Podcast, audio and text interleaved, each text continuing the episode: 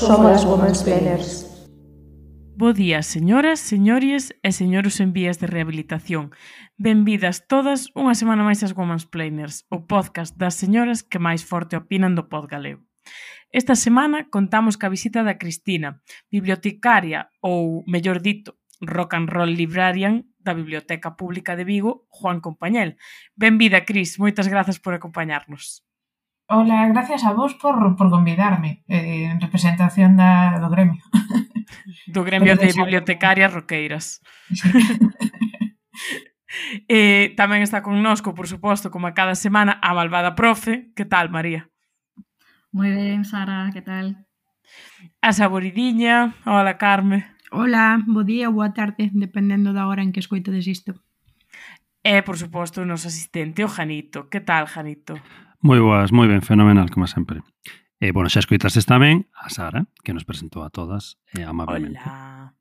Bueno, pois, xa que estamos aquí reunidas hoxe, imos falar de bibliotecas. E para comezar, quería preguntarlle a Cris, en calidade de experta, que hai que facer para convertirse en bibliotecaria ou un auxiliar de biblioteca? porque este foi o soño, o traballo soñado de moitas nenas lectoras. Así que contanos Cal é o secreto, Cris? Pois eh, creo que non lles quedará outras as nenas para ser bibliotecarias que opositar porque a maioría do traballo de, en bibliotecas, tanto de auxiliar como de bibliotecaria, eh, vai a través de, de emprego público. Hai algunha, algunha empresa que dá servicios bibliotecarios, pero son, son as menos. Entonces, pois, eh, se pode opositar ás diversas administracións eh, públicas que xestionan bibliotecas, eh, que suelen ser o Estado, eh, as comunidades autónomas, eh, logo os concellos, cada concello saca a súa oposición, cada comunidade autónoma tamén, e logo as universitarias tamén. Teño que decir que son máis aburridas as universitarias. Eh, sí, non é como as públicas. Eu que pensei que iba a haber máis salseo aí. as universitarias.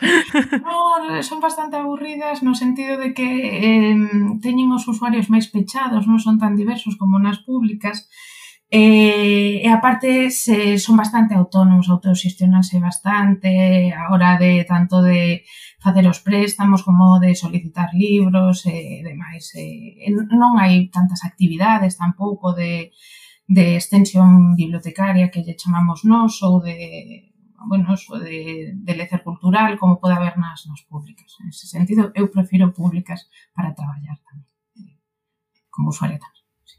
María.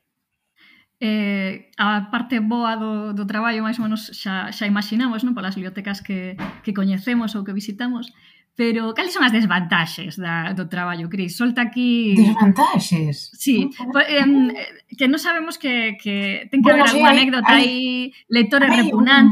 bibliotecas remotas onde tiveches que traballar, porque falas das oposicións e eu sei que non sempre estiveches onde estás no, agora que na, na sí. Juan Compañel. Eh, mira, eh, A única desvantaxe que, que deixo, especialmente en públicas, é que pasan por diante de ti cantidade de libros que non podes ler porque non tes tempo. Ti sabes o que sufro cada vez que ah, actualizo. Temos unha web coas novidades. Ti sabes o que sufro vendo todos esos libros que pasan por diante de ti que non, non hai tempo a ler. Eh, un día eh, dixen no, no Twitter que prefería que estivésemos en... Eh, niveis de publicación do século XIX ou principios do XX. Non sufriría tanto, pero, pero bueno, esa é unha das, das desvantaxes. Respecto a traballar en bibliotecas remotas, teño que decir que si, se si opositas a bibliotecas, eh, sabes que pode ser un traballo eh, tranquilo demais. Como pode ser o que tiven si, na biblioteca universitaria do campus de Ávila, que pertence á Universidade de Salamanca, pois vivín, vivín nesa, nesa cidade famosa pola súa muralla que parece de cartón pedra, maravillosa cidade, Eh, non teño máis que vos palabras para decir de Ávila. Teño que decirlo o único, único, único que era unha biblioteca dunha politécnica, dunha universidade politécnica. Entón, como non tiña moito traballo, porque teño que decir, isto non é que sexa un prexuizo, era así. Os alumnos de enxeñería de Minas e de... Eh, enxeñería civil, non me lían moito, entón iba un pouco á biblioteca, cada vez que entraba un usuario perseguía o de podo axudarte, precisas algo, por favor porque era un traballo demasiado tranquilo, tranquilo demais prefiro Concordas con, con Orson Welles no de que Ávila é unha cidade tráxica sí. tráxica e extraña sí, eso, sí. sí, sí. estou moi orgullosa de vivir nesa cidade na que quería vivir Orson Welles sí. e que grabou ali eh, Badaladas a medianoite E, entonces estivo vivindo un tempo ali. Eh, se pode recoñecer, de feito, na, na peli recoñecese, recoñecese a muralla. E, e sí, é, é decir, a verdade é que é como vivir dentro dun decorado, é certo, pero...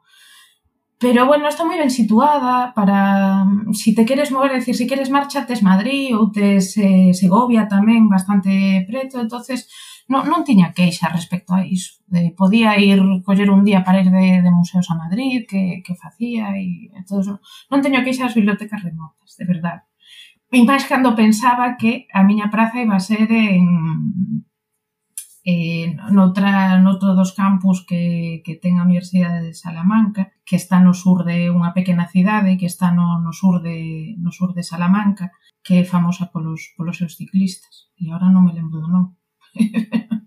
Pero bueno, lembrareime. Eh, ali ten un campus e pensaba que iba a ser o meu destino, sí. Eh, entonces non, non teño queixa de Ávila. Podería ser moitísimo máis pequena a cidade, non, non teria problema. Pode ser Béjar a cidade? Béjar, exacto, eh, non me saía. Que teñen un campus, que me que teñen un ah, campus. Béjar, sí, mira, estaba pensando no ciclista famoso dali, que é Laudelino Cubino, e non me acordaba do nome de Béjar. De mira, pois pues, es, en nome, eh? o, o rapaz está sí, sen nome. Cubino, pues, sí. pues en parece un nome artístico, destino, ¿no? Parece un nome artístico, ¿Eh? porque lle riman o nome co... Sí, Laudelino Cubino, sí, sí, sí, pois pues é dali de Béjar. Eh, Pois en principio porque as persoas que estaban ocupando ali as prazas de, de bibliotecaria de, do campus de Béjar quixeron quedar ali. Pero se non por nota tocábame, tocábame en Béjar, sí. No, está asumido, quero, quero decir que cando preparas oposicións a bibliotecas asumes que, sí, que o teu destino pode ser unha cidade pequena. Carmen. Mira, e entón, como estamos tratando isto das desvantaxes, pois eh, xa tiro aquí a máscara como ex libreira, a ver se si compartes esta desvantaxe. Eh, non tiñas entón usuarios que che dicían veño por un libro, o libro ten a capa vermella e aparece a, a trompa dun elefante. Sí. Eh, non tes, sí, sí, desde esa máis, máis memoria fotográfica. Sí, no, pero intentas, ainda así intentas axudarles. Eh? Un día foi un, un pai á biblioteca, porque van moitos pais a coller as lecturas escolares dos seus fillos, eso va moitísimo. entonces eh, pediume as, eh, os eh, episodios nacionais de Cervantes. E entonces eu lle dixen, será de Galdós, Me dixo, non, non, son de Cervantes. entón dixen, entonces serán as novelas exemplares. As novelas. Ah, eso. eso. entonces eu entendín perfectamente ese home que se confundiu, claro, enviado polo seu fillo, dixen, nada, un nome composto dun libro, eso pasa, o sea, pasame a min, é decir, que uh -huh. non me lembro de Béjar, vamos, me vou a lembrar de novelas exemplares, episodios nacionales de escritores españoles. Pues, eh, perfectamente. E, e aínda que pareza mentira, a veces conseguimos sacar o de si tiña capa azul, eh, bueno, hai unha coña que se fai moito en bibliotecas, facemos centros de interese, que é, pois, eh, agrupar libros por contidos temáticos, pois que estean pois por un falecemento, por exemplo, na que morreu Sánchez Drago, poderíase facer un centro de interese de Sánchez Drago. Ou non. Mellor que non. Eh, mellor, mellor un, un centro de desinterese. Pero, eh, ou por efemérides tamén se fa, no? por exemplo, ahora na Biblioteca Pública de Ourense hai un sobre sobre a República, libro sobre sobre a República pois houbo unha biblioteca eh, de Castilla León, non lembro agora de que, de que cidade exactamente, igual foi mm, ou de Castilla León, igual foi, foi Toledo. Bueno, que o que fixo foi un centro de interese que se titulaba eh, tenían las pastas azules e puxeron todos os libros as pastas azuis que tiñan e os agruparon ali para que os usuarios entenderan esa dificultade que temos de, sí, sí, de, de a veces mm, saber que libros buscan con tan poucos datos. Pero facían sí. pantone, facían pantone ou colgamos así todos os afuisen máis. Sí, agora tamén unha, unha moda en decoración agora que colocar os libros nos estantes nas casas por, por cores. Encántame, sí. satisface moito sí. a, a miña manía de orde. Pero entón as bibliotecarias... No, no, eu poño a min dame urticaria só de pensar en... Eu os coloco por tamaños para optimizar os andeis. Sí, eu tamén eu tamén como, como Janita.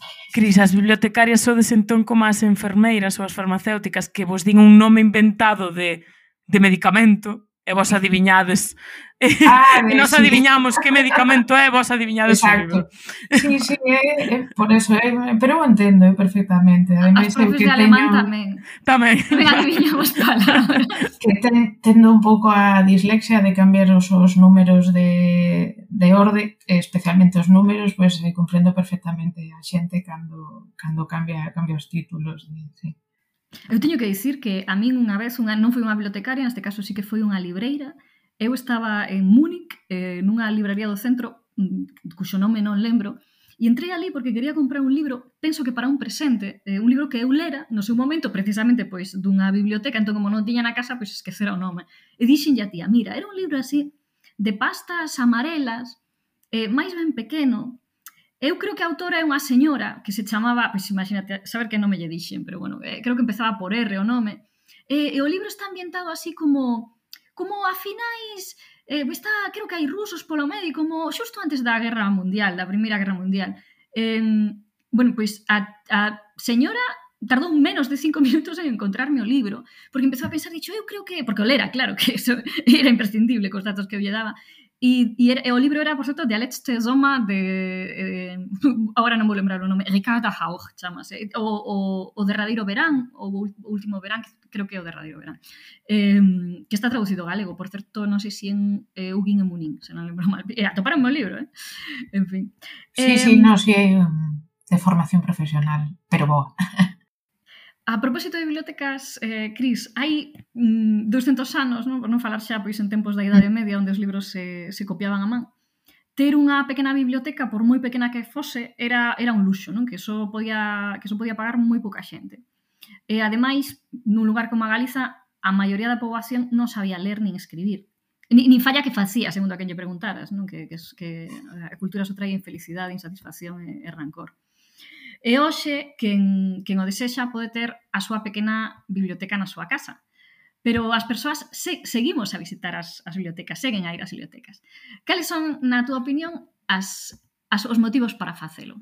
Pois eh, os, os motivos, bueno, son, son moi diversos, pero eh, entre eles que eh, cada vez acollemos un maior número de funcións ou de, ou de actividades decir, xa non só eh, pois, eh, ofrecer, bueno, eh, función de lecer, eh, cultura, información, autoformación, moitísima xente cada vez eh, se... É decir, se forma ao longo da vida o que se chama en inglés eh, lifelong learning, que é un termo que utilizamos moito en bibliotecas e en formación ao longo da vida, porque eh, cada vez, bueno, tendemos máis a maiores e, e buscamos unha belleza activa, quero decir, duramos máis, por sorte, depende de, eh, para mí por sorte, eh, en ese sentido, pois, eh, non só somos sitios de buscar lecturas para lecer, sino para o lecer, sino tamén para, para información e para formación, para seguir seguir formándonos non só a nivel profesional, sino a nivel, a nivel persoal.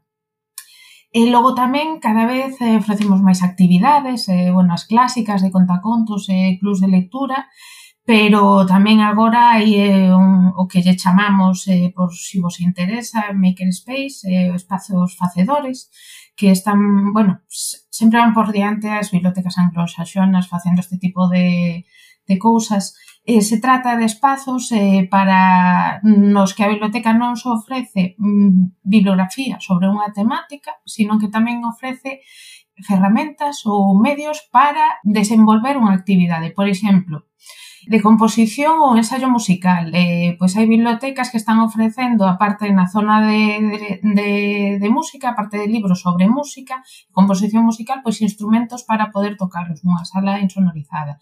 Pois que en di eso, di tamén con tecer, eh, libros sobre sobre eso, sobre calceta ou sobre crochet e con cos, cos ferramentas ou cos, eh, cos artefactos, digamos, para, para facelo.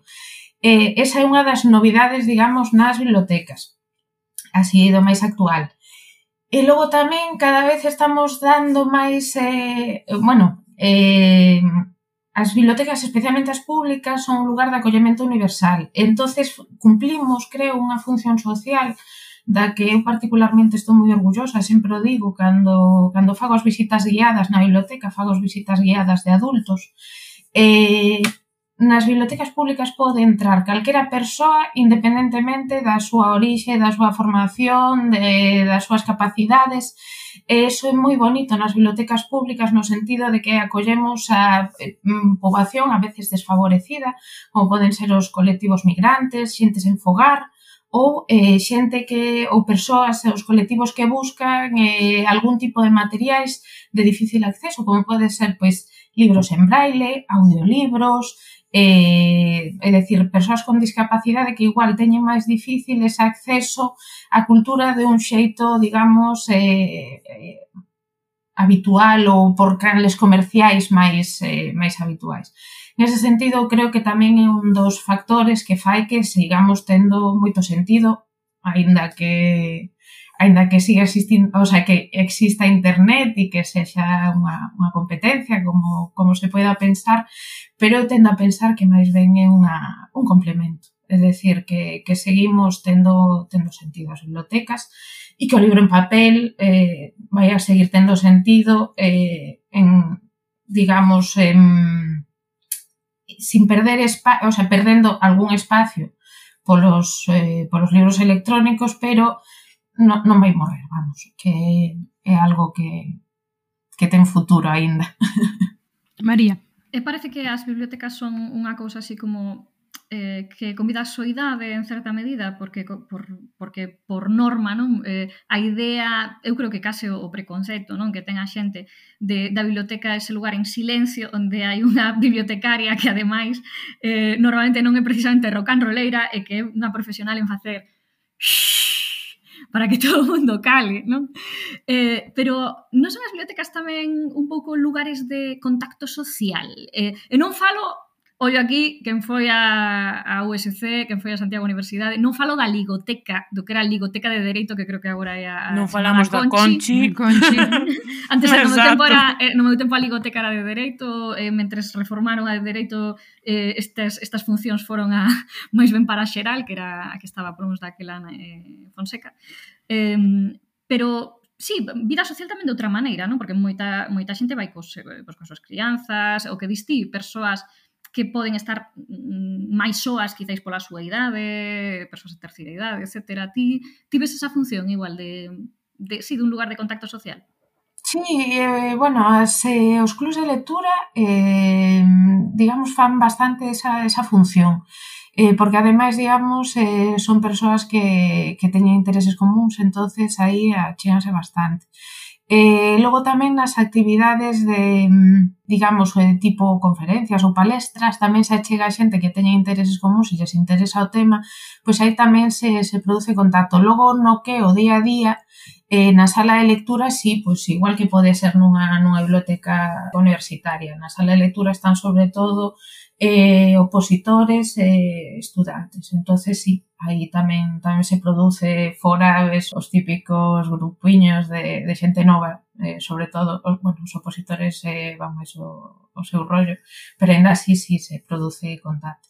E a xente maior, sí, a xente maior eh, sí que ademais eh, son moi entrañables, moi agradecidos sempre, porque somos como pois como as súas tendeiras de libros, digamos, porque lles eh, asesoramos, lles axudamos a buscar cousas que lle gusten, especialmente eh, a novela de intriga e a novela romántica eh, teñen moita saída entre este, entre este grupo de idade, entonces eh, sempre nos preguntan pois, eh, se unha autora que lle gusta, Sara Lark, por exemplo, que fai novelas románticas eh, ambientadas no, pues, en, en ambientes eh, en ambientes exóticos ou en lugares exóticos, pues, recomendarlle cousas cousas parecidas. Eh, fíanse moito de nós en ese sentido. Entonces, sí, Perdón aquí, pero te, teño que darme por aludida e escarallarme un pouco de risa porque acabas de dicir das novelas policiais e a novela romántica que eu son unha tola da novela policial e aquí o, o Janito é un adicto a, a, a, ao...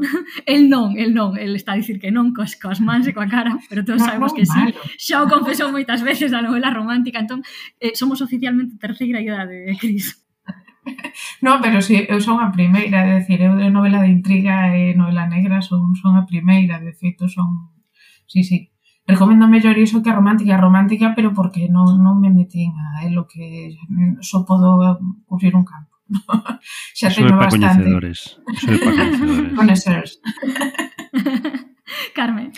No, pois pues pensaba que dentre eses xéneros había de estar tamén o, o western, que as, as, as novelas tamén de cowboys, e agora xa me, xa me sorprendiches un pouco, eh? eh no, pero... Non, non, non, non repuntaron, No, así como así, sí. Esas no. Marcial pues la fuente Estefanía, ¿no? Viviu vamos, Vigo, por certo. Vamos Iso voltar... Escribiu moitas das súas novelas cando vivía sí, en Vigo. Sí. Publicado por unha por unha editorial viguesa, ademais sí, tamén. Sí, sí, Home, máis máis far west que Vigo, casi Fisterra e pouco máis. eh, vamos voltar, Cris, entón a, a 2020. 2020, non, non superamos isto, eh? Pero, eh, coa pandemia, sí pois sobre todo durante o confinamento, sabes que creceu bastante a compra de libros. E vos nas bibliotecas notastes un aumento de libros emprestados cando voltou un pouco a actividade, o andamento, voltastes a abrir ou non? Eh, pois eh, mira, aí foi un caso, bueno, especial, non? Todos eh, vivimos a desescalada ese pouco a pouco que empezamos a abrir relativamente cedo as bibliotecas, é dicir, en maio de 2020 xa abrimos con préstamo con cita previa pero había bastante descoñecemento aínda polo contagio, eh, mediante contacto con obxetos e había moita, moita desconfianza. Tivemos os libros en cuarentena. por certo, si, si fomos eh, acumulando e os tivemos en cuarentena, logo soubose pois, que, que non era preciso que, que por contacto que era nada moi residual o, o contagio. Eh, entonces eso reduciu o que a xente acudise á biblioteca. Non recuperamos números de empréstitos e de eh, de, de usuarios que acudían á biblioteca hasta a segunda metade de 2022. A segunda metade de 2022, o ano pasado, xa recuperamos as cifras prepandemia pero o que sí que medrou enormemente, triplicouse o préstamo de libros electrónicos eh, a través da plataforma de préstamo Galicia Lec, eh, aí triplicouse. Eh, animou a moita xente a ler, claro, porque non te tingas que achegar á biblioteca, entonces eh, fronte a ese temor ao contagio, pois eh, máis, bueno, máis o tempo que estivemos pechadas, eh, animouse moita xente a empezar a, a ler en, en electrónico. Algo que era, mm, aínda estaba o, digamos, o grupo de usuarios era bastante reticente en xeral, eh, pois animounos eh, a situación. Si, sí, non me acordo eu tamén que estabas falando agora de todas estas medidas de que alá por 2021 ou tal, non sei, sei que tiña que eu ir á biblioteca e pois quixen ir a unha calquera que me viña moi ben eh, porque estaba ao lado da escola da miña filla. E dixerme, non, non, non, ti, eh, eh, como eu teño o carnet da, da universidade porque ainda estou estudando filoloxía dixerme, non, non, non, non podes vir aquí a, a Conchi? Eh, tes, tes que ir a, a filoloxía ou a biblioteca xeral e eu, joder, pero eso non me concilia nada eh, a verdade é que pasamos por unha serie de de non sei, non? Como de, sí, de, de filtros aí na pandemia que falas agora e que e quedábame como super atrás. Sara. Pois eh, moitas grazas, Cris, por eh, contarnos aquí a túa experiencia en calidade de experta, pero claro, como somos Women's planers, queremos botar xa a lingua a pacer, entón, se vos parece ben, eh, imos pasar a, a parte de tertulia, despois de todas estas aportacións eh, e experiencias tan interesantes que nos contas. Entón, eu quería preguntarvos se vos sodes eh, usuarias habituais de bibliotecas, e, sobre todo, con que fins as, as utilizades. Eu, agora que me toca opositar outra vez, vou ter que empezar a facerme habitual da biblioteca de novo. Así que contádeme vos eh, como levades esa experiencia de asistir á biblioteca. Cris, Eh, pois eu evidentemente sigo sendo usuaria, teño que dicirlo. Eh, vou ás bibliotecas veciñas, bueno, cando vou a Santiago sigo indo a Ángel Casal ou a a, a Biblioteca de Galicia tamén. Eh, e aquí en Vigo eh, vou a, a do García Barbón, eh, bueno, a Biblioteca de Gondomar tamén, onde, onde resido, pero é moi recomendable a Biblioteca do García Barbón, do Teatro García Barbón, porque ten unhas vistas eh, preciosas de, do Peirao de Vigo, do, do Porto de... Sí. Se si vos gusta ver eh, contedores de, de barcos de, de, de mercante, que a mí me encanta. Como non nos vai gustar? Un momento de viguismo. Máximo. Viguismo outra vez, viguismo. a mí, sí. Non só se ven o, porto, sino que tamén se ven os, os tellados de moitos edificios sí. da zona da zona modernista de Vigo. Eh, Son vistas eh, efectivamente de Cangas tamén, sí, sí. Para eso veñen os de Cangas a Vigo, a ver Cangas. Janito, ti tes unha boa anécdota aquí dunha biblioteca conta. Pois eu usaba, mm, era usuario de biblioteca, bueno, despois eh, fui usuario de biblioteca cando, cando tiña os nenos, eh, a nena pequena máis que o neno, que a nena sí que fui máis á biblioteca. Pero sobre todo cando usei bibliotecas foi cando estaba na, na universidade, na, e, e estudaba ás veces na, na biblioteca do García Barbón tamén, e estudaba sobre todo na, na universidade en Ourense. E de feito, a primeira vez que vin a miña muller foi nunha biblioteca, ela pasaba vestida cunha gabardina verde, estaba guapísima. Eu fixeme moito nela, ela armín min nada. E tivo que ser máis tarde. Que oh. Pero bueno... Eh... Historia de amor de biblioteca, que bonito. Bueno, máis que mal historia de amor... Saiu. Bueno, mal bueno, non saiu sí, ao final, sí, eh? Sí, no, pero despois, despois fixo, ela fixo a mí, pero noutras circunstancias. Estás comentando isto que parece que hai música de violín atrás, e mal non che saiu, home. No, no, mal non saiu de todo, non. Non. 20 Dous anos casi. Sete anos despois eh, un fillo e unha filla despois, eh, parece que a cousa non saliu mal de todo, non? Carmen, Pois nada, como me apunta María, pois comezo eu, que ten aquí... Tócache, tócache. A ver, pois non sei, fago entón aquí que unha, unha, bio, unha biografía miña de... Un speech. Sí, a, as bibliotecas e eu, pois non sei, supoño que teria que comezar pois así desde os primeiros recordos que teño, que eu creo que de grandes doenzas saen tamén eh, grandes lectores ou de persoas que adoecen moitas veces tamén saen de aí grandes lectores. Entón eu de pequena sempre tiña pois como infeccións de garganta bastante severas faltaba moito a escola e a miña nai fíxome aí como un carné da biblioteca, da biblioteca pública de Padrón, entón supoño que comezou aí un pouco o contacto meu coa biblioteca e pois quen requisitaba realmente os libros era a miña nai, claro, porque eu estaba na cama. Eh, pero íame traendo cousas que máis ou menos sabía que me que me ian gustar e foi aí un pouco ese contacto, non? Despois, como eu ainda son da xeración de, de SB, pois tiñamos bastantes profesores que dicían, pois isto tedes que resolvelo e tedes que resolver nesta enciclopedia e tedes que fotocopiar non sei que, entón parte das tarefas eh, que te mandaban para casa había que resolvelas nunha biblioteca. Quen tiña ese recursos na casa, por exemplo, eu tiña bastantes recursos na casa, entón non tiña que ir á biblioteca moitísimas veces, pero si che dicían, tes que traer mañán fotocopiado non sei que escultura de Praxíteles. Pois igual eso eu non o tiña eh, na miña casa. E sí que tiña que ir con compañeiros á biblioteca, con ese carne que me fixera a miña nai, eh, levar o tomo, eh, fotocopiar ese tomo e devolver o tomo á biblioteca. Despois, cando fun así estudante universitaria, nunca fun desas persoas que fun super usuaria de biblioteca, dicir, quedamos para estudar na biblioteca, nunca me deu nada de xeito para estudar, sempre preferín estudar na miña casa eh, porque me parecía até como máis unha tentación, non? O de estudar en grupo, eu son unha persoa faladora e entón sí que necesitaba como dicir, pois mira que pon aquí nos meus apuntamentos, pois e que caera no exame e distraíame moito se si tamén non podía falar con outros ou falando con outros.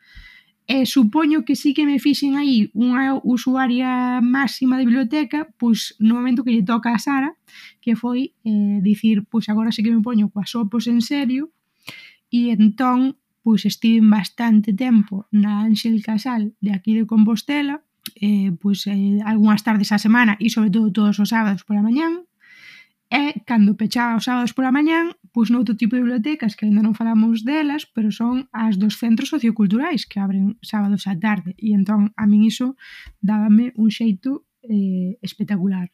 Xa dentro do meu traballo, pois eu coñecín eh, moitos institutos, entón teño visitado e traballado en bibliotecas escolares maravillosas, de feito un dos programas que nós temos da primeira temporada que con unha amiga miña que se chama Rosa Enríquez, por Rosa Enríquez levou a biblioteca do Ies Macías o namorado moitos anos e fixo un traballo espléndido de dinamización eh, Rosa, se me está escoitando, parabéns, era unha biblioteca chapó, e si que coñezo outras bibliotecas de outros centros pois que, mm, que se levan entre varias persoas, entón as persoas tampouco están moi coordinadas entre sí ou non coñecen moi ben o programa Meiga, entón quedan aí libros e libros que non foron aínda catalogados ou non foron colocados no sitio en que tiñan que estar, entón faise un pouco máis eh, confusa non? ese momento de consulta.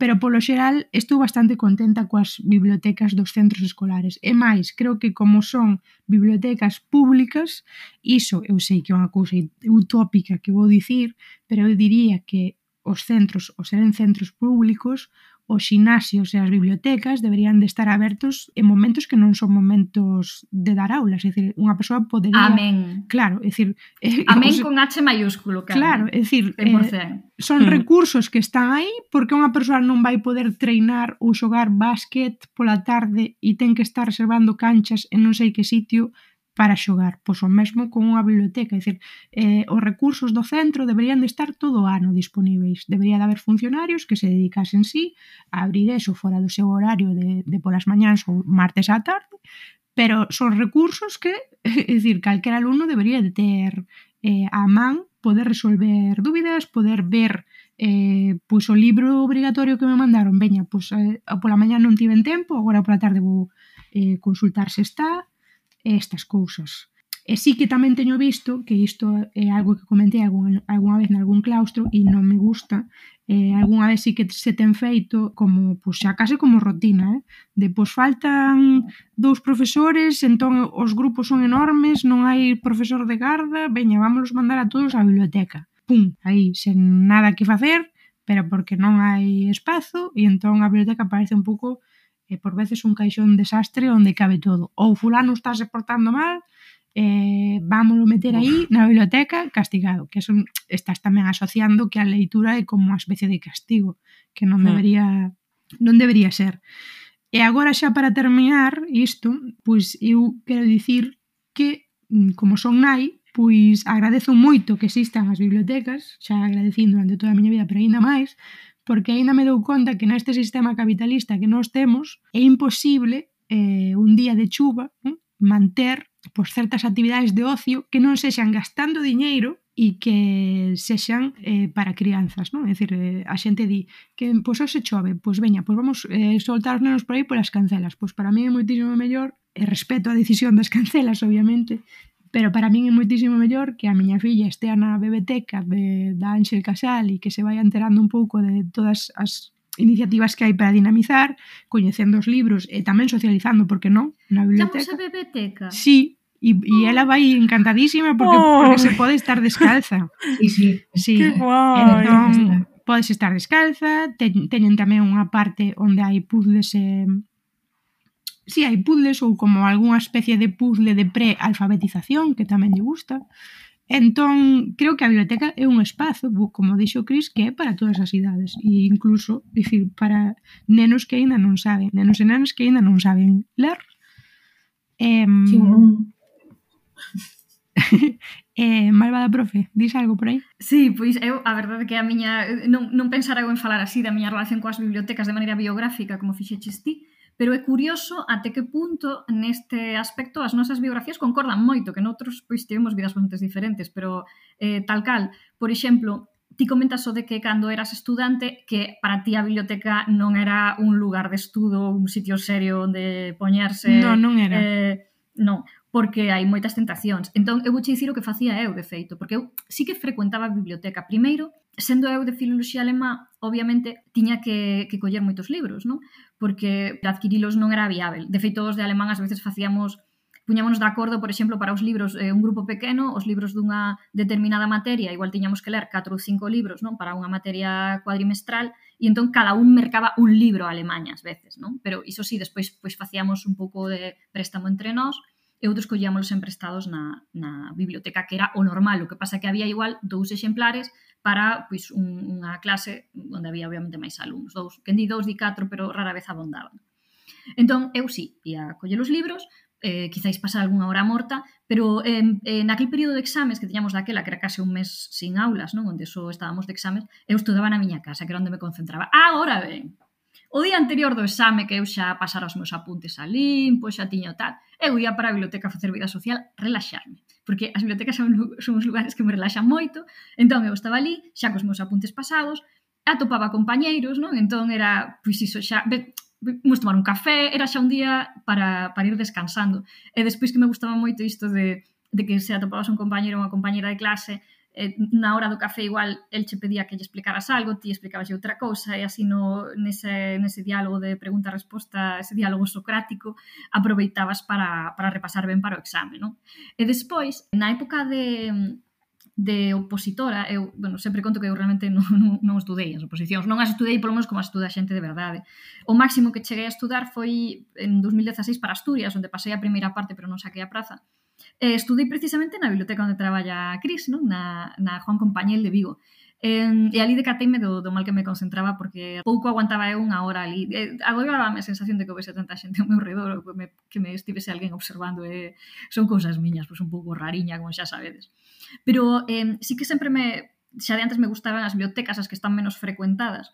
E a miña primeira biblioteca, eh, eh, o meu primeiro amor bibliotecario foi unha biblioteca escolar, eh, que era do Colexio Público García Barbón, non, non a do Teatro García Barbón que estábamos a falar agora, senón a do Colexio Público García Barbón na Rúa Serafina Vendaño, en Vigo, eh, onde eu estudaba, e a biblioteca era simplemente unha aula un poquinho máis grande, estaba incluso no primeiro andar, non era nada especial, pero ali tiña unha chea de libros que eu non tiña. Entón, eu collía, ademais lembro, algúns libros concretos que collín ali prestados, fascinábame unha colección de tapa dura de corasí azul eléctrico de Sherlock Holmes que había en galego, non lembro, creo que era de Editorial Xerais, que os fixeran moi bonitos, ali descubrín que me gustaba moito a, a novela criminal, pero non necesariamente eh, Sherlock Holmes, que tiña uns, unhas personaxes, uns personaxes moi ben creados, pero despois eh, as tramas non eran grande cousa.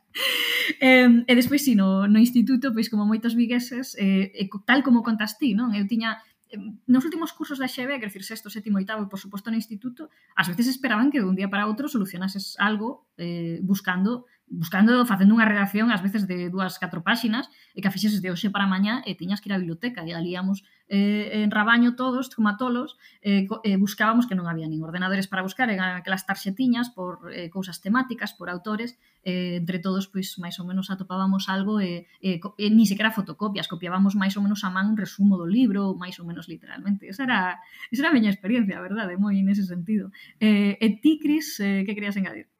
era que como che sorprendía da bebeteca, era para dicirche que tamén hai contacontos para bebés de 0 a 3 anos que é unha das actividades que, que temos e que máis eh, éxito teñen. É dicir, as, a xente non é consciente de, eh, de que tan pequenos empezan a parecer, eh, digamos, polo que me contan eh, a xente de pedagogía, que xa empezan a entender historias, eh, personaxes moi pequeniñas, eh, con unhas relacións tamén así moi moi pequenas, pero que que os bebés sí, sí teñen o seu espazo na biblioteca, ademais con, con seus libros de, de tea ou brandiños así de, de plástico con diferentes texturas. É iso. Sí, a, é curioso, non? Pero falase moito, creo, creo, quero dicir, é moito máis coñecido que hai unha serie de teorías sobre esa gramática universal que temos ou non temos na cabeza, non? Según, segundo eh, o lingüista en cuestión, mas non se fala tanto de, da, da gramática narrativa que temos todos na cabeza, que todos os seres humanos percibimos a realidade a través de, da narración, porque ademais o, a, as concatenacións de feitos son unha das cousas que nos axudan a percibir a idea de tempo, non? que parece algo extremadamente abstracto. Entón, eh, bon, ademais de que un, un clube de lectura ou un contacontos para nenos, pois se chama contacontos son contos, non? Pero tamén lles podes ler outras cousas, poesía, con cousas que riman ou, ou cancións que, que ao final tamén son literatura, literatura oral ou literatura popular de alguma maneira. Eu, eh, por outra parte, así de maneira profesional, eh, estou tamén moi de acordo co que dixo a, a Saboridiña das bibliotecas escolares, que, que ás veces me, me irrita moito eh, amólame, non podo, non podo ocultalo, que se empreguen con, con fins eh, así usurpadas, non? Eh, que, que de súpeto eh, haxa unha usurpación dese espazo especialmente se se fai dunha maneira punitiva, é dicir, se envían á biblioteca un alumno, unha alumna que está, bueno, ali como castigo, non? Eh, non debería ser o lugar, quer dizer, para iso ten que haber unha aula de convivencia, unha aula de castigo, chamalle como queiras, que os nomes, para nomes eufemísticos somos moi expertos, non? pero, pero non deberían de ir nunca na, na biblioteca.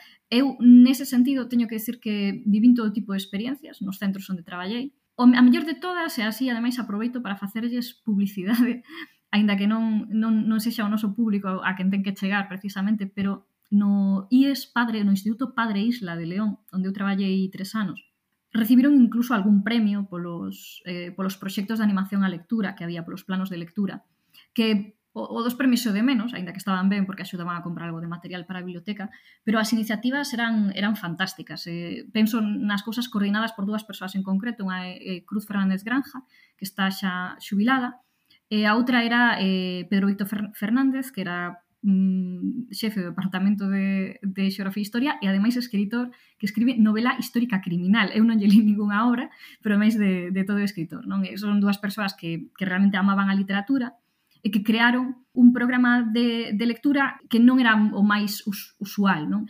É dicir, para animar os rapaces á lectura, a biblioteca era un lugar onde todos podían entrar e sair libremente nos recreos, que algo que non se fai en todos os centros, é dicir, que os rapaces poidan entrar cando queiran, sair cando queiran, e manter un nivel de ruido, bueno, moderadamente alto no recreo, non? E, e onde se fan cousas como citas a cegas cun libro, onde os nenos reciben eh, premios en forma de, de comida non moi saudável, eh, con moito azúcar e tal, non?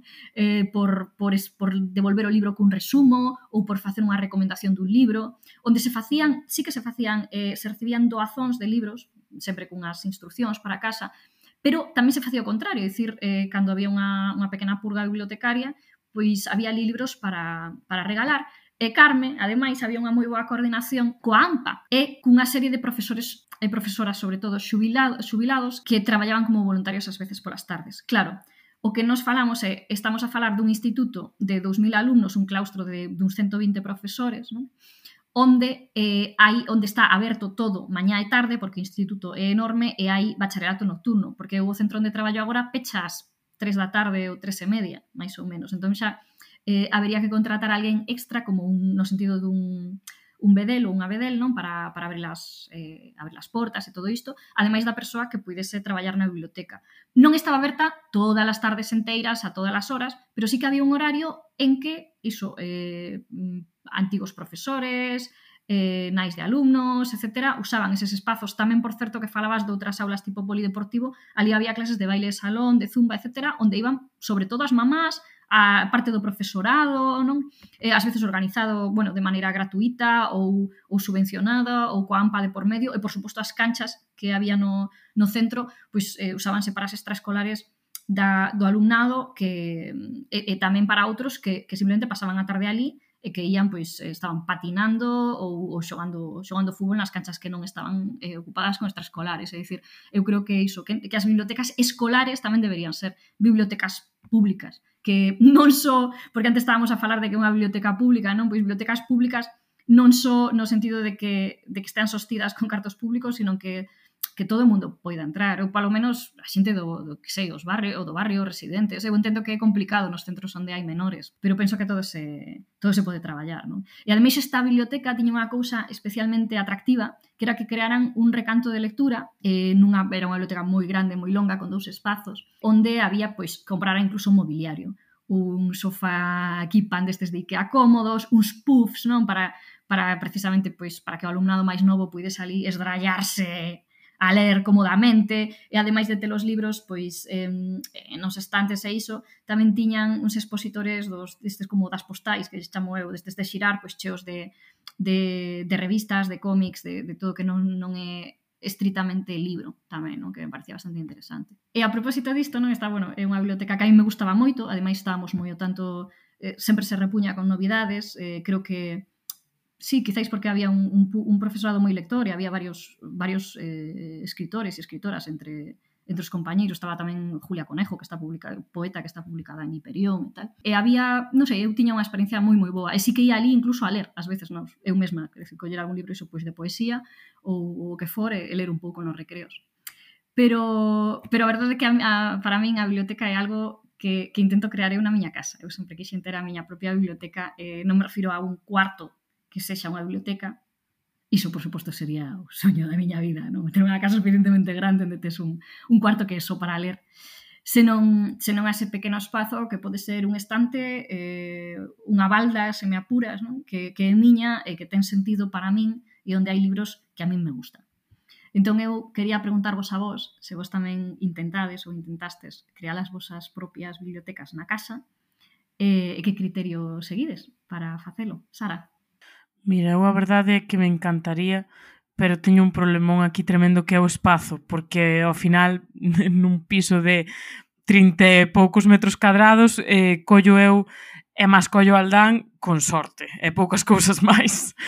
Porque ao final eu que sei, a, a única desventaxa para min que teñen os libros físicos ao final pois é o espazo que, que ocupan, pero a min encantaría meter unha casa enorme, cun cuarto enorme no que houbera só libros, é unha zona de, de lecer para, para ler cómodamente, tranquilamente ali, e ao final, pois, tens que ser un pouco máis selectiva cas cousas que, co, bueno, cos libros que mercas porque non tes espazo, entón, eu agora mesmo merco libros pois que, que me que me interesan especialmente ou que dixo este libro ou libros que xa lín e que me gustaron moito e dixo, vale, este libro quero telo e volvelo a ler. Entón, vou no mercar.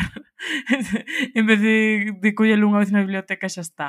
Pero non sei, tampouco levo un criterio así moi estricto. A mí o único que me limita é o espazo. Tamén teño en Santa Coma na casa de meus pais por ali todo cheo de libros, entón, bueno, ao final van ter que sair os libros pola ventana para entrar eu, pero bueno, non sei vos como levades eh, este tema.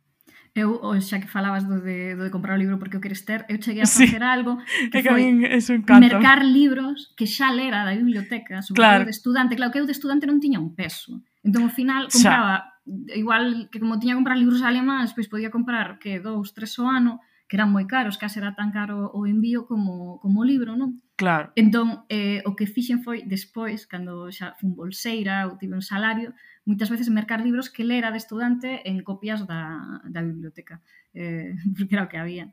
Cris? Eu teño, son bastante selectiva, teño que decir, eh, ahora que temos, eh, nos non temos problemas de espacio, pero sí que somos dous dúas persoas con, con moitos libros, entonces eh, intentamos non encher a casa de libros. E iso que xa fixemos a, a última mudanza, esperamos, e xa perdemos algún, o sea, xa eh, nos desfixemos de algún porque porque tiñamos moitos, pero como sabemos que isto vai seguir medrando, eu o criterio que sigo é eh, primeiro si, si o compro non o compro, se si o leo na biblioteca ou non o compro. Logo, compro tamén en electrónico, compro algúns libros en electrónico, especialmente os eh, profesionais, digamos, ou de, digamos así, temáticos de... E logo se si os compro en papel Eh, decir, esos son os tres criterios. Primeiro, compralos ou non, colleros na biblioteca, que traballando nunha, pois o teño bastante fácil. Eh, logo, en electrónico ou en papel, eu leo en electrónico e compro en electrónico, si, sen... entonces eh, teño bastante controlado. Casa do Ferreiro, Coitelo de Pau, non, non expando a, sí, a librería. Janito. Pois a min non me caben os libros na casa. Xa non podo mercar máis. Directamente. Teño Bo, sobre todo que teño é que máis me ocupa a banda deseñada. Teño varias estanterías pola casa repartidas, e algúns mobles cheos de, de libros, e non me caben máis directamente. E, entón, pois, eh, como non vivo só, pois non podo ter máis, porque non me deixan ter libros... Bueno, hai non moito tempo a miña muller mercou un, un banquito e dixo, aí podes poñer libros. Mira, ides ver aquí as que as que estades vendo vendo pola cámara. Teño algúns libros aí. Entón, bueno, o rollo que teño, eh, eh teño no, moitos libros. para que se vexa así o, o lateral, e para saber que libro cada un. Tes que adivinar. No, no, no, están postos así, no, no, están postos para que se vea, para que se vexa. Son son TVOs grandes, este formato álbum ou así. No, o rollo que últimamente levo unha tempada que non decidín non mercar moito máis porque teño, como todo mundo, teño moitos en ler. Entón, decir facer un parón e merco só series que teño abertas últimamente. Hai algunha cousa que me din que así que é imprescindible, pero que agora xa non é un prescindible ao mes, agora ten que ser un ou dous imprescindibles ao ano. Respecto a libros de literatura non BD, tento ir menos a feiras e a presentacións de libros para non mercalos.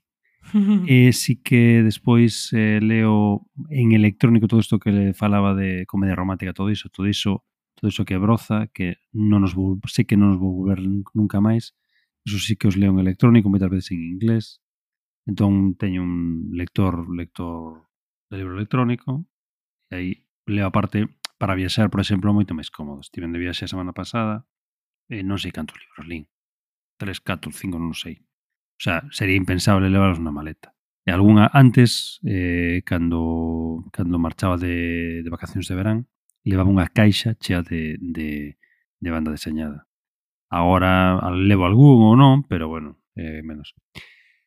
Como anécdota, contarei que unha persoa que coñece unha persoa coñecida, que eu coñezo personalmente, pero bueno, que parece unha persoa popular, ten colección de, de tebeos e ten unha casa enorme, unha persoa que vive soa, ten unha casa enorme só para meter os tebeos e sei de polo menos dúas persoas máis que coñezo de vista, non coñezo tanto. Pero este dato xa saiu na televisión, Janito, se estamos falando. Xa saiu na televisión, vale. Sí, pues, se estamos falando da mesma vale. persoa e esa persoa saiu mostrando esa casa cos... cos vale, pode ser, sí, bueno, o que pasa que, mm, bueno, non sei, non sabía que era público, pero bueno, sí, esa persoa ten unha colección moi grande. Pero pues me ademais, colección... o nome, se si saiu na televisión. Vale, da igual. E, eh, eh, despois hai un par de... Que o diga, que o diga ela saiu na televisión. A mí, eu non o vi na televisión, a mí contaron conto mo el, vamos. E despois hai un par de persoas que eu coñezo de coñecín que teñen coleccións non só de tebeos, que tamén, que teña a casa chea, o sea, de entrar na súa casa, eu non estive, pero no pasillo da súa casa, chea os tebeos amontonados, no, o sea, amontonados, montóns de tebeos de, de moita altura, claro, según van entrando os, os novos exemplares, van meténdose ali, despois teñen orixinais. Xa meterse a mercaer orixinais, isto xa é para xente cun patrimonio elevado. Xa é outra, é outra liga, non? E, e por certo, eu este tema de, de, de ter librería e ter bibliotecas na casa, eu creo que non, en, non son Galicia, en toda España, é un rollo que mm, se fomentou moito cando a xente non lía con círculo de lectores que era isto de que te obrigaban que te obrigaban a marcar un libro cada mes, te obrigaba entre aspas ou cada dous meses, viña o paisano. Non, non necesariamente pues, libro, dos, eh? Dos meses. Non necesariamente libro. Sí, bueno, tienes, porque non vendían libro, tamén pero, sobre... música. Na, na miña casa hai moito sí, libro, pero, bueno, moita música sobre todo, a causa disso. Claro, sobre todo o que vendían eran libros, claro, que había na ali era, era libros, ¿no? Eh, e, e na casa dos meus pais eran socios de Círculo Lectores e aparte tiñan unhas edicións moi boas Quero dicir, o sea, era a calidade de, concordo, o que é a calidade concordo. de edición do, do, uh -huh. do, do xeito físico. Eran, eran libros de, de, de moi boa calidade, edicións tapadura, e con incluso con marca páxinas e tal, eran libros... Non os atopas agora, é eh? que non, non atopas nada parecido ás veces, porque é difícil claro. atopar tapadura así de algún bestseller de hai dous anos que lle queiras... Bueno, un bestseller é un dicir un libro de certa calidade que se vendera e que queiras regalar algo bonito eh, e non hai máis que edicións cutres. Como sí, a ver, Bueno, eh, todo isto é outro tema distinto para outro día, sí, pero bueno, que, que na casa dos meus pais hai moitísimos libros de sobre todo de mercados e eh, sobre todo en círculo de lectores, non? Nada máis. Carme, contasnos quen era a persoa esa de quen fala Janito que ten unha casa para os cómics? No, que o conte el despois. El, el destapou isto, pois que el que el prosiga. No, Ay, no, pero favor. eu non o destapei. Estamos así, se sai unha televisión, dúas, se hai unha televisión, non se hai unha televisión e algúns estaban aínda plastificados porque eran valiosísimos. É así ou non é así? Non o sei, non? Quen era? Que, que non o digo, televisión. que non o digo, digo despois off the record. Despois digo che ah, que bueno, vale, vale, Porque vale. a ver se si vamos estar falando de dúas persoas distintas e quedo de parvo. Pero, pero tipo, aquí sai unha televisión, podes dicir. Pero, pero se sai unha televisión, tío, porque agora quedan, quedan as... Tivo algún cargo, tivo algún cargo político, Janito. Non, non. No, pois pues entón, pues entón non é a mesma persoa. Entón non é a mesma persoa. Ah, vale, ti, ti dirías seguramente Paco Vázquez. Sí, Ah. No, no, pero non fala de Paco Vázquez. Mm. Paco Vázquez te coleccións, pero colecciona tebeos antigos, sobre todo. Uh -huh, pero, moitos tebeos de Capitán pero... Trueno e tal e cual. Falacho de outra persoa. Pero amiga, pero... Mm, como, sí, sí, no, como, aparte que pero se ten moito interese... Como un túnel de metro en, de tebeos, eh? Sí, sí, sí, sí. sí ten, ten moito interese e parece sí, que bastante coñecemento. Como el, eu non o coñezo en persoa, Paco sí, Vázquez. Pois pues el saiu unha tele... Non teño a fortuna. Saiu unha tele, pois pues eu creo que en varios programas un era como sobre coleccionismo e saiu el. E outro era como de fricallada e tamén saiu el falando desto. Entón eu pensaba que estábamos falando da mesma persoa, ves? E outro era sobre se rompe España e falou outras cousas. Bo, en fin, non sei, non sei se me toca a min contar o meu ou non. Toca, toca, sí. Eh, a ver, pois creo que ao final estamos un pouco todos eh, indo na dirección do problema do problema do espazo. Creo que fan casas moi pequenas agora. Eh, porque eu na miña casa que E se mercan moito máis libros que antes. Non sei.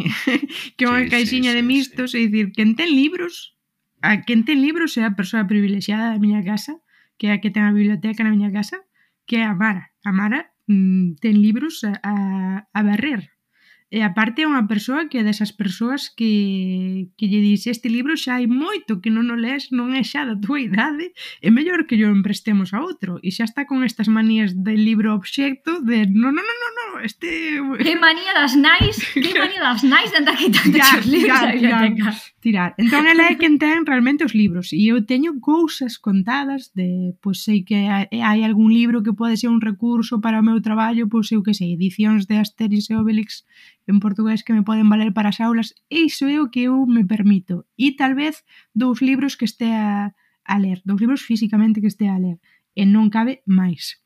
Todo o resto teño que telo en aplicacións, de, nin siquiera teño físicamente un Kindle, pero teño aplicacións de leitura, entón eh, almaceno aí no, no iPad e voume safando, é dicir, ata por exemplo, acho bastante práctico porque como levo o iPad todos os días ao traballo para xerir un pouco facer un acompañamento dos meus grupos, como teño aí varias desas apps, eh, o meu centro ten algo, mira, algo de que non falamos, que é iso de hora de ler, que non sei se, se o coñecedes, pois é un calendario onde eh, comeza, eu que sei, o primeiro día de aulas non, pero a primeira semana de aulas di, di alguén, pois, a primeira hora da segunda feira, en vez de teren eh, estes alumnos ou todos os alumnos ciencias naturais, todo o mundo do centro está a primeira hora da segunda feira eh, lendo nesa hora. Entón, para a próxima semana, a segunda hora da terça feira, todo o mundo está a ler. Entón, para a próxima semana, a terceira hora da cuarta feira está todo mundo a ler. Eso chamase hora de ler. Entón, para min, é moi práctico, non? Porque cando toca hora de ler, a min nunca me esquece o libro. que é o que lle pasa moito do meu alumnado, porque sempre teño eh, libros nesas apps que teño no, no iPad. Entón, onde eu teño unha biblioteca e aí é onde mato esa miña frustración é na, na miña casa familiar, no, no, no apartamento de meus pais e aí sí que pode dicir que como realmente o meu pai pois perdeu a seu pai sendo moi neno e foi criado realmente co irmán da súa nai que era cura pois era un cura até que de mote tiña como mote Confucio eh, herdamos unha serie de, de libros. Inventou a confusión. Non, cantaba a, a filosofía, era, pois, alguén, pois, non sei, tamén antes que tiña estudos. Pois, el estudou teoloxía, foi almacenando libros, gustaballe moito a cultura clásica, entón, non sei, na miña casa sempre tivemos relación con libros, porque xa meu, meu pai herdou iso, entón herdamos todos os libros deste meu tío, Celestino, que, que era cura, Despois meu pai, claro, fixo tamén a súa propia biblioteca de manuais que hoxe non terán ningún valor, estarán todos des desactualizados, pero non se terou nada, de manuais de medicina que algunha cousa utilizou tamén despois a miña irmá, que tamén é médica. A miña nai é super leitora, é dicir, diría que é a persoa que máis lee da miña familia e gustalle moito todo o relacionado coa historia, entón tamén ten o seu cantiño para os seus libros, aí está todo moi moi dividido cada un ten o seu, o seu nicho. E eu teño ali pois todos os meus libros, é dicir, non me desfixen de nada, teño ali todos os meus alfaguaras, todos os meus El barco de vapor, todas as cousas que a miña nai me comprou de círculo de editores aí están, a miña biblioteca de filoloxía aí está, non fun capaz de tirar os temas da oposición aí están, entón eh, necesito que veña Maricondo e tamén me diga, señora, eh, pare, A min pásame o mesmo, eh? pero é que a miña nai peor que ten jardados os libros meus e de miña irmá desde infantil. A miña nai gardou os cadernos. Hai almacenados. A miña nai gardou os cadernos. É dicir, eu, cadernos, se, todo. Se queres que che diga que facía eu en Ciencias Sociais de sétimo de SB, podo cho dicir. Dígoche. Podo cho dicir porque os gardou. E, di, e, e, e ten razón, é dicir, porque me di, ti despois consultas isto e un día vai che facer gracia. E a verdade é que hai veces que me dá por consultalo e digo, mira que saí da Iso é o que me dio a miña sempre tamén. Sí, e, e tamén vos podo dicir que este tema non, non, non tiramos deste fío. Tampouco son eu unha persoa apega, ou seja, pod, teño os meus libros aí de Alfaguara, pero porque me dá preguiza tirar con eles ou doalos ou o que sexa.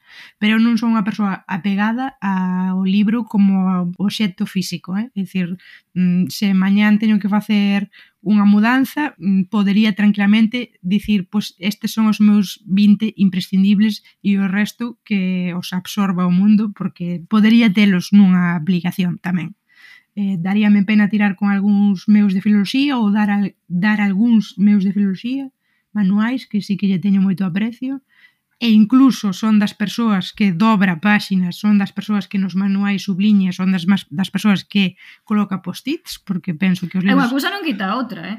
Eu, os meus está, eu, eu claro. adoro os libros, pero parte do meu fetichismo Pero ti sabes esa, que hai xente esa que paixón materialista por interactuar co obxecto. Claro, a min gustame eso, decir, entón eu teño sí, manuais vamos. de dialectoloxía onde eu mesma elaborei mapas, mapas que digo, pois no capítulo 5 non hai mapa de eu que sei, de ver e mirar, pois eu fixen o mapa de Beremigar e, e está aí nun post-it, por exemplo. Entón, o mapa máis famoso do Galicia. claro, bueno, non sei, eh, evidentemente sí que hai, sí que había ese mapa, sí, sí. pero foi, foi por colocar un exemplo, que sei, de, de Painzo e Mainzo, ou unha cousa así. Pois eh, imaginade, pois eu eh, gustame e entón vou aínda a cada pouco e digo, ah, mira, pois isto neste momento a min parece moi interesante. Ou tamén cando compro libros en alfa revistas, libros de segunda man, tamén me gusta ver o que outra persoa pensou que era interesante. Ou no momento en que iso era interesante históricamente e por iso subliñou e hoxe tal vez non sería tan interesante. A min gustame eso, como encontrarme o que sei, eh, tickets de metro ou mm, intercambio epistolar de repente nalgún libro que comprei en segunda man. Malvada profe. Pois pues mira, a propósito de anécdotas así románticas, eu non teño unha como o famoso gabán verde de, da, da muller de Janito, Pero o, o primeiro presente que lle fixen ao malvado profe foi un libro que merquei nun, nun antiquifá, eh, nun sitio de segunda man, nunha biblioteca de segunda, digo, nunha libraría de segunda man en Alemanha, que era eh, unha edición do Príncipe de Maquiavelo que me fixo gracia porque ademais de ser unha edición preciosa das de reclama antigas cun estampado moi bonito por fora, estaba subliñada con lápiz en algúns puntos, era unha edición de 1943, se non lembro mal. entón pensei eu, que tipo de fulano neste ano en concreto estaba a ler o Príncipe de Maquiavelo e por que subliñou o que subliñou eh, perdón, non todas as miñas anécdotas son así de eh, de así de brazo alzado vamos.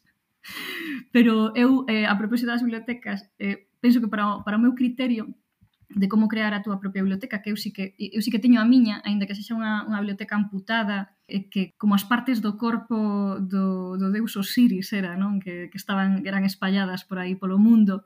A miña tamén está un pouco espallada porque a maior parte dela está na casa da, da miña nai até que, até que me boten de ali. Agora que comprei casa propia, por fin, intentarei facer, facerlle pouco a pouco eh, algúns móveis, bueno, que irei, algúns teño que comprar, os outros quizáis os teña que facer a medida, non? Para, para ir traendo os meus libros para aquí pero moito de moitos terei que desfacerme. Eh, o que sí podo dicir como persoa que se mudou, non sei, 20 veces nos últimos 20 anos, é que o máis importante para ter unha boa biblioteca non é tanto o que compras, senón aquilo do que te desfás. Incluso cando falamos dos libros infantís, eu sí que son moi fetichista, mas os meus libros infantís gustanme moito máis que ningúns que lin despois, nunca fun tan lectora como era de nena, eh, tamén teño que confesalo. Pero tamén me desfixen de moitos, é dicir, eu sabía o que me gustaba e o que non. E como dicía Roald Dahl que o primeiro dereito do, do lector é o dereito a non ler, eu coido que se queres ter unha boa biblioteca, o que tens que facer é mirar a túa biblioteca aos ollos, non? Como ese abismo que despois te mira a ti, e dicir, este libro mírame mal, este libro non me gusta, este libro leveime mal desde o comezo. Eh, non tens por que guardar libros que porque a xente diga que son vos, Eh, e como me dixo unha vez un amigo meu, cando a miña biblioteca consistía basicamente en dous estantes pequeniños, un na miña sala e outro no meu cuarto, dixome, a ti notase que a, a literatura che gusta de verdade. E eu dixenlle, logo? E dime, sí, porque non tes os libros para aparentar. Os libros difíciles, como a, o que el consideraba difícil para el, non? Pois a poesía alemá en versión original, eh, os libros sobre cousas máis curiosas, quizáis medievais e así, tiñaos no, no dormitorio, porque era quizáis o que, do que máis tiraba E no salón tiña, eh, pues toda a novela policial, eses paperbacks de Agatha Christie así desgastados de, de leválos á praia, ainda cheos de area, de roña e de, de manchas de café, eses tiñaos nas sales e que tiñas posto. E nunca, nunca pensara neses termos. Agora a verdade que os teño todos aquí xuntos, pero eh, neste momento só teño na miña casa os libros que adquirín ou que me regalaron nos últimos cinco ou seis anos Non? E teño igual a metade deles, porque outra metade pois foron para Wallapop, foron regalados no, no Twitter, non que lle sacaba fotos e dicía mm, pídeme un libro, mandocho, eh, e outros foron doados eh, de algunha biblioteca que sí que aceptaba doazóns ou que estaba aberta a doazóns naquele momento, como eh, pois unha biblioteca municipal de, de León naquel momento, eh, e tamén má Ángel Casal, posiblemente, non lembro exactamente, pero sí que me colleran algúns libros en idiomas que, que quizáis iso, libros en alemán ou así, que son unha cousiña un pouco máis rara, pois moitas bibliotecas sí que, sí que agradecen. E agora comeza o momento de Carmen. Agora veñen as dicas culturais, a túa parte preferida, entón eh, douche paso. A miña parte favorita. Dicas culturais, por exemplo.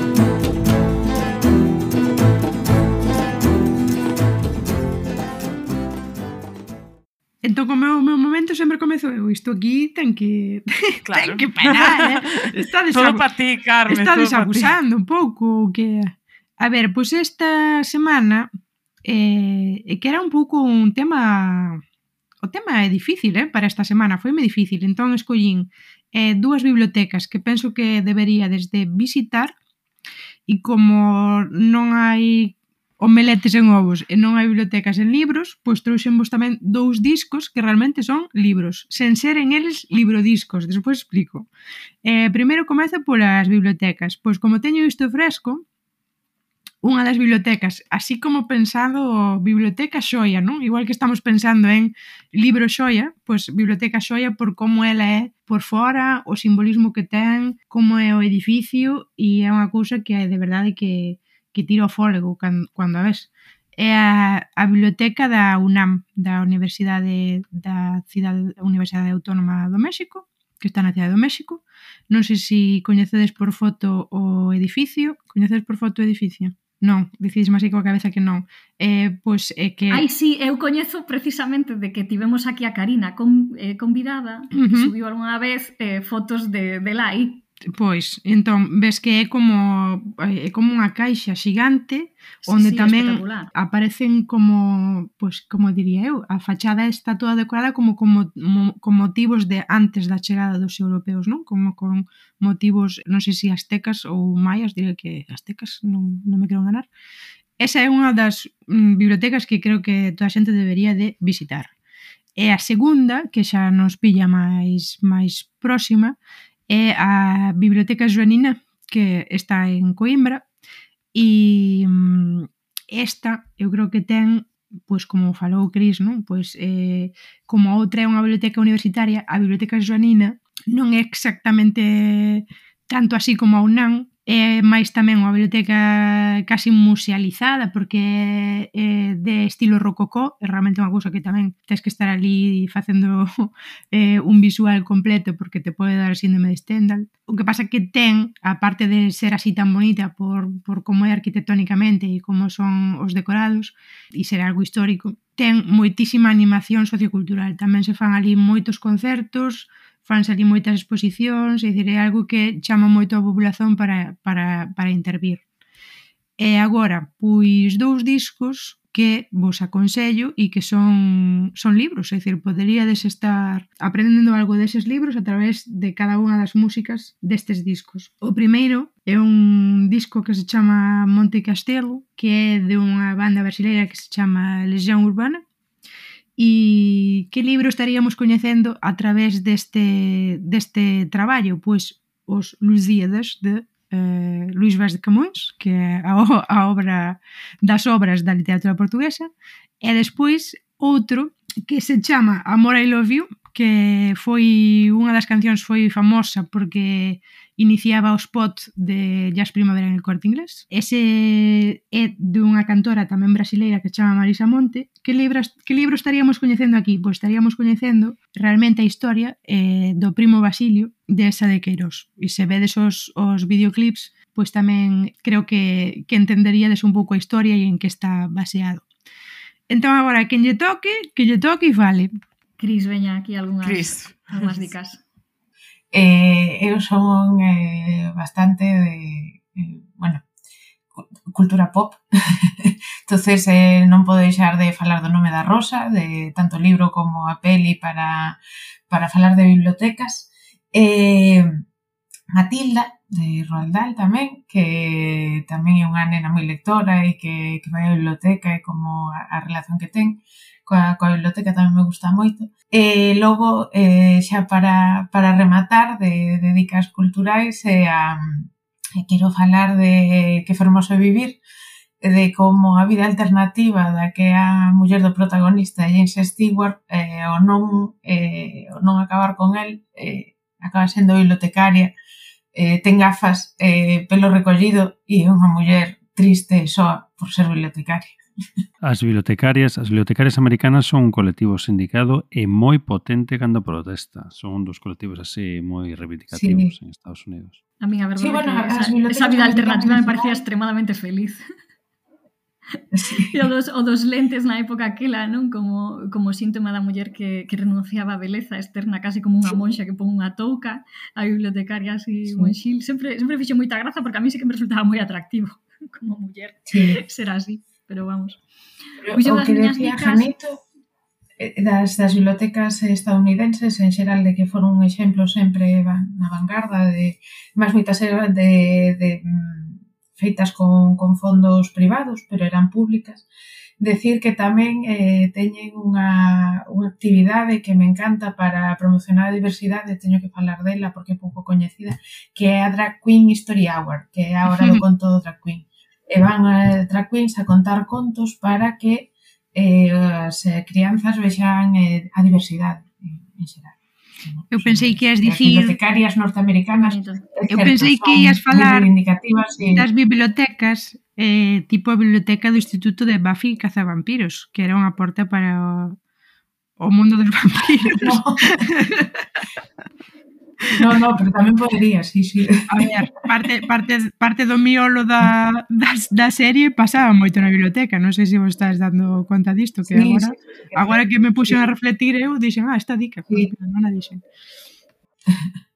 Perdón, María, que che cortei. Pois eu a propósito das miñas dicas, eh, eu a propósito das miñas dicas quería recomendar dúas visitas eh, no espazo xermanófono, unha en Suiza e a outra en Alemanha. Eh, a primeira é a biblioteca do Mosteiro de St. Gallen, que, que está en Suiza, no, bueno, na fronteira con Alemanha prácticamente, É unha, é unha vila pequena, é bonita, preciosa. Ali, eh, por certo, criouse a nosa Jenny, Jenny Dorf, a nosa Jenny que estivo aquí a falar de, de migracións tamén. Este mosteiro, de verdade, paga a pena visitalo por mil motivos, pero a biblioteca é unha cousa espectacular. É eh, unha desas bibliotecas un pouco rococó que lembra o filme da Bela e a Besta, eh, onde todas namoramos eh, da Besta simplemente porque tiña unha biblioteca, da igual o feo que era calquera home cunha biblioteca como esa, pois hai que casar con él eh, e ten uns, uns, uns chans eh, cunha especie de mosaico que tes que entrar ali cunhas, bueno, cunhas zapatillas que che dan para poñer por, por enriba, para poñerse por enriba dos zapatos, non para non estropear nada. Eu tive a sorte de ir dúas veces, e as dúas acompañadas a mes, con, con persoas, con, con profesorado universitario, para que nos desen acceso a algúns manuscritos que custodian ali, porque teñen un tiñan un escriptorium na Idade Media, do que saíron algúns dos primeiros textos en lingua alemá. De feito, o primeiro texto máis ou menos en lingua alemá que é a base de glosas, non igual que exactamente igual que en castelán, non? É o, o chamado Apro, Aprogans, eh, o, é un, pois como un un pequeno dicionario, non? Eh, alemán latín para que os para que os cregos puidesen ler os textos en latín. E que paga pena velo, teñen un dos manuscritos eh, tamén dos tres máis importantes do da canción dos nivelungos, non? Do cantar dos nivelungos, perdón, chamase así en, en galego.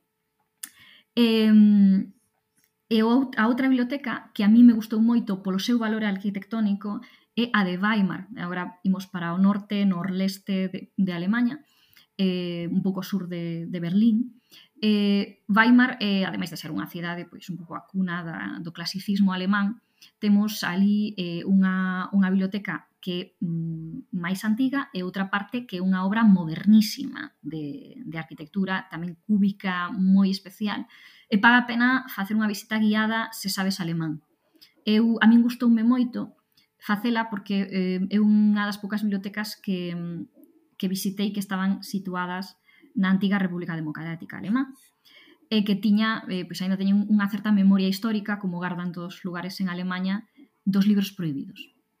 Entón gustoume moito iso, que nos ensinasen que libros daquela estaban prohibidos. Eh, eu preguntei por iso, curiosamente, porque outra xente fixou outras preguntas e a, a, as bibliotecarias que había ali estaban informadísimas sobre a historia do, do asunto. E entón, o primeiro libro que me sacaron foi a máis, un dos meus libros preferidos que eu nunca teria imaginado que prohibisen na República Democrática Alemana. Non prohibido no sentido de que queimaran o libro, pero sí de que o acceso a ese libro era restringido, é dicir, que só podían eh, collelo emprestado persoas cun permiso especial. Ese libro era A transformación de Kafka que o temos agora traducido ao galego eh, nunha edición do ano pasado. Eh, e, e, por unha parte chamoume moito a atención porque non era o libro que esperaba, non parece un libro con moito contido político, pero ao mesmo tempo se o, se o lestes, sabedes que ese retrato que fai da, da soidade e da, da estrutura familiar, eh, das relacións interpersoais é bastante mm, é, é moi, moi moderno, moi, eh, moi desesperanzador en certa medida, moi desacougante. Entón, chamou moito a atención. Despois, outra biblioteca que penso que paga a pena visitar para acceder a grandes libros da literatura universal no noso idioma, en galego, é a biblioteca Vivir. Vivir a primeira con B e a segunda con V, que é a, a biblioteca virtual eh, da literatura universal en galego, que é unha, unha biblioteca pois organizada por unha, por unha asociación de, de traductores en lingua galega. E despois, unha última dica que quero facer son os varios clubes de lectura que, eh, que conduce a nosa eh, amiga Woman's Plainer tamén, Antía Yáñez, que eh, moitos coñeceredes, pois porque é escritora eh, e igual lle leste so, a súa última novela Non penses nun elefante rosa ou anterior, o seu anterior libro así de adultos que era Senlleiras ou porque tedes crianzas que leron eh, os seus libros máis infantís ou juvenís pero eh, Antí ademais imparte obradoiros literarios e dirixe algúns libres eh, algúns clubes de lectura, por exemplo, eh, un de Betanzos e outro na Biblioteca Municipal Isidro Novo de Lugo. Entón, eh, pois quería recomendar iso, eh, esas cousas que, que fai esa Woman's Planner que, que as ouvintes coñecedes de, do noso episodio sobre beleza ou do noso UOM aniversario eh, sobre o tema das matriarcas que estiva Liela opinando connosca. Mira, María, non é unha dica, pero igual queres comentar unha anécdota que sabemos que tes cunha biblioteca. Un salseo aí, bueno, unha cousiña no, aí. É desas anécdotas humillantes que, que vos pode facer graza saber. Sí, é verdade, eu teño unha anécdota curiosa cunha biblioteca que é a Biblioteca da Casa da Cultura de Corcubión.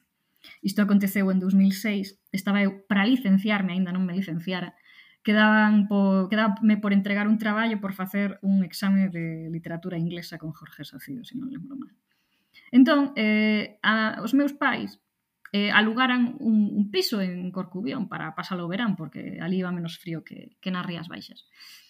Entón eu estaba ali soa coa miña nai neste, nesta, nesta vila costeira tan bonita, non? que é Corcubión, E as dúas tiñamos unha relación, seguimos a ter unha relación bastante complicada coa telefonía en xeral e coa móvil en particular. Ningunha das dúas tiñamos móvil. Eh, na casa daquela, supoño que quizáis había un teléfono fixo, non estou segura. En calquera caso, eu polas mañás ía á casa da, da cultura, a biblioteca, para bueno, para estudar, para facer o meu traballo ali nun, nun ordenador de aqueles que había, porque eu, eu non tiña non tiña portátil meu aínda. E, e despois, a hora de, de xantar, máis ou menos cando me cadraba, pois xantábamos un horario de verán de 3, 3 e pico, pois para ali a eu. Esta biblioteca estaba aberta naquel, naqueles días que eu fora, desde, pois, poñemos as, as 9 da mañá igual, pois ata, ata hora que pechaban pola tarde, que non lembro se eran as 6 ou as 7 hora que fose. Entón, houve un día que para máis Inri era Benres, isto é importante, porque a Casa da Cultura non abría fin de semana, que eu estaba ali, pois, na parte de arriba da biblioteca, que había como unha especie de pasarela, e, e estaba eu soa. Quería evitar a zona de abaixo onde había rapaces que ian es, eses mesmos ordenadores pero para xogar a videoxogos, que facían ruido e tal, eu quería concentrarme no, no traballo que tiña que facer. Eh, e de súpeto, pois nun momento, miro eu para ali para o, o reloxo, xa eran como as dúas e media, máis ou menos, e digo, bo, pois xa podo ir tirando para casa que teño fame. Eh, segundo vou dicindo tal cousa, érgome e decátome de que na biblioteca non hai ninguén máis e que ademais eh, a porta está pechada.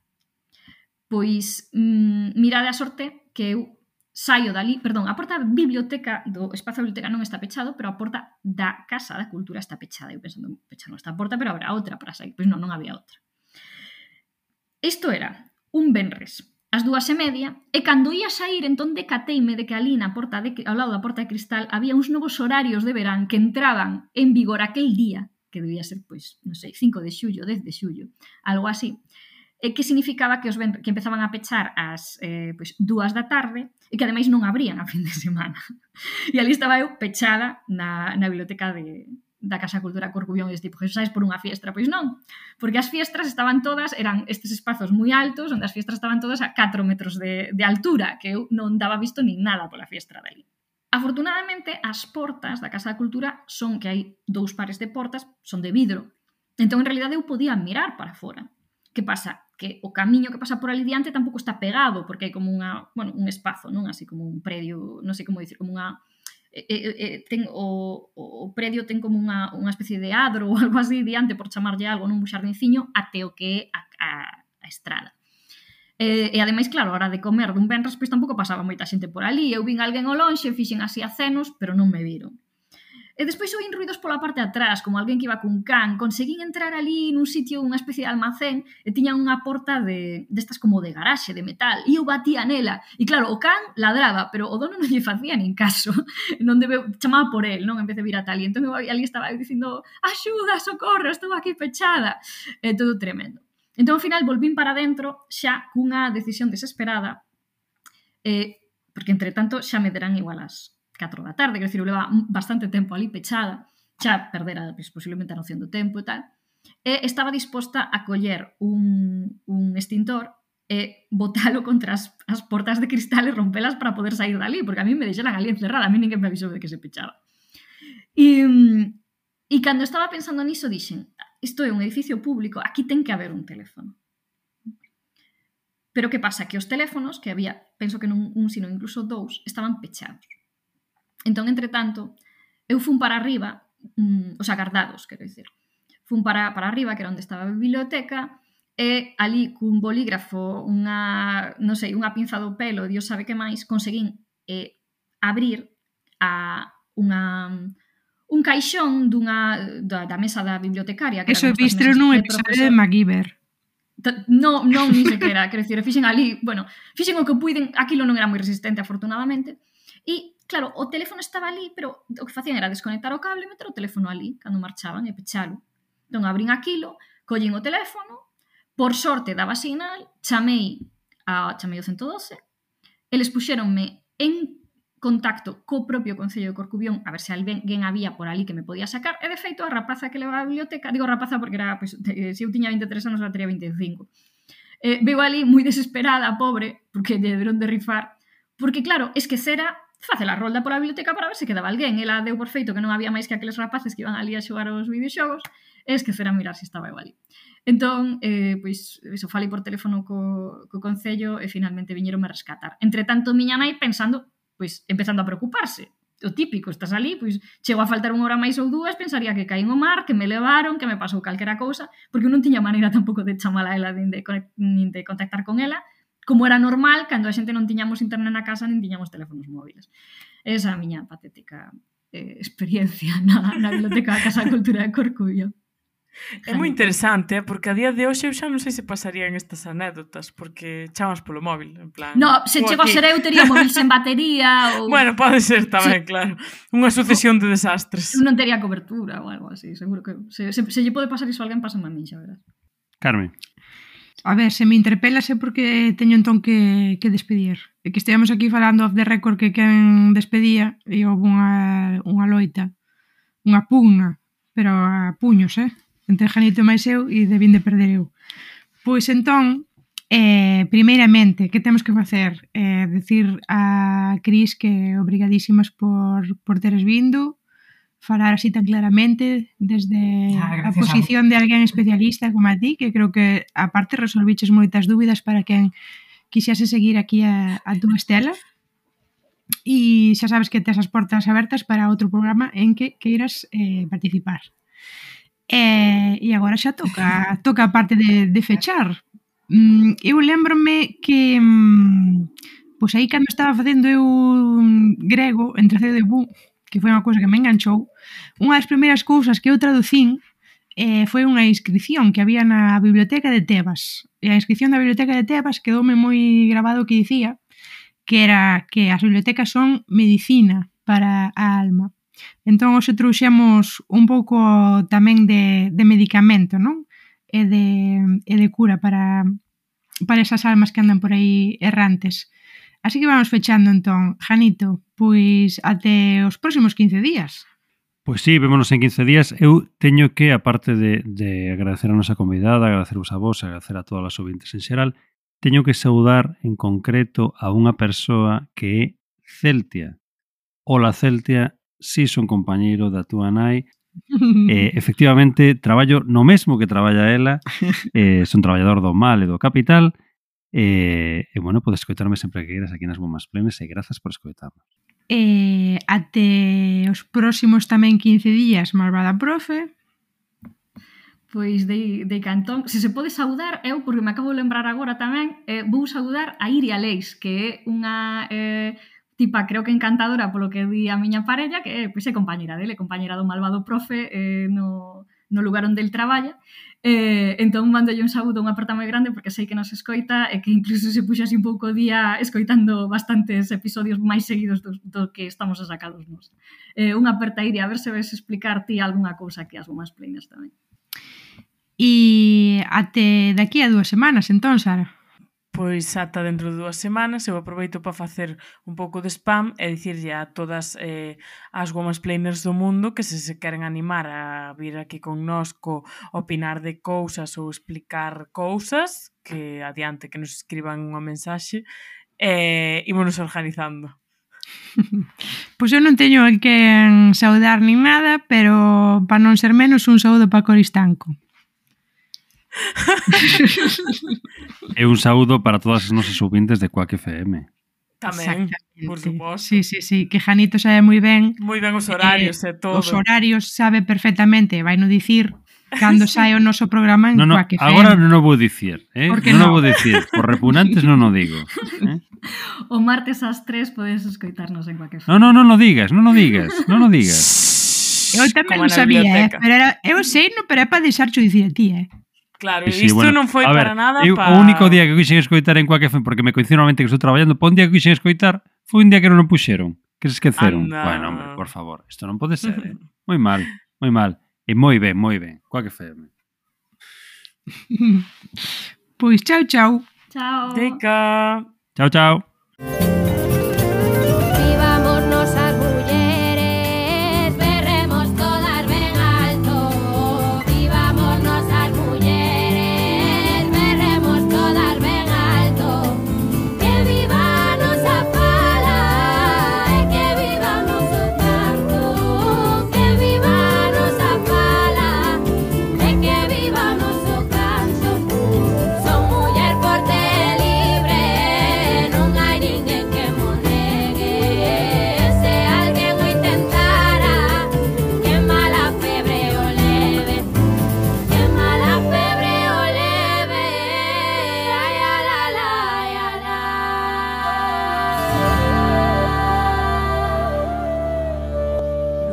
Somos las Women's Players.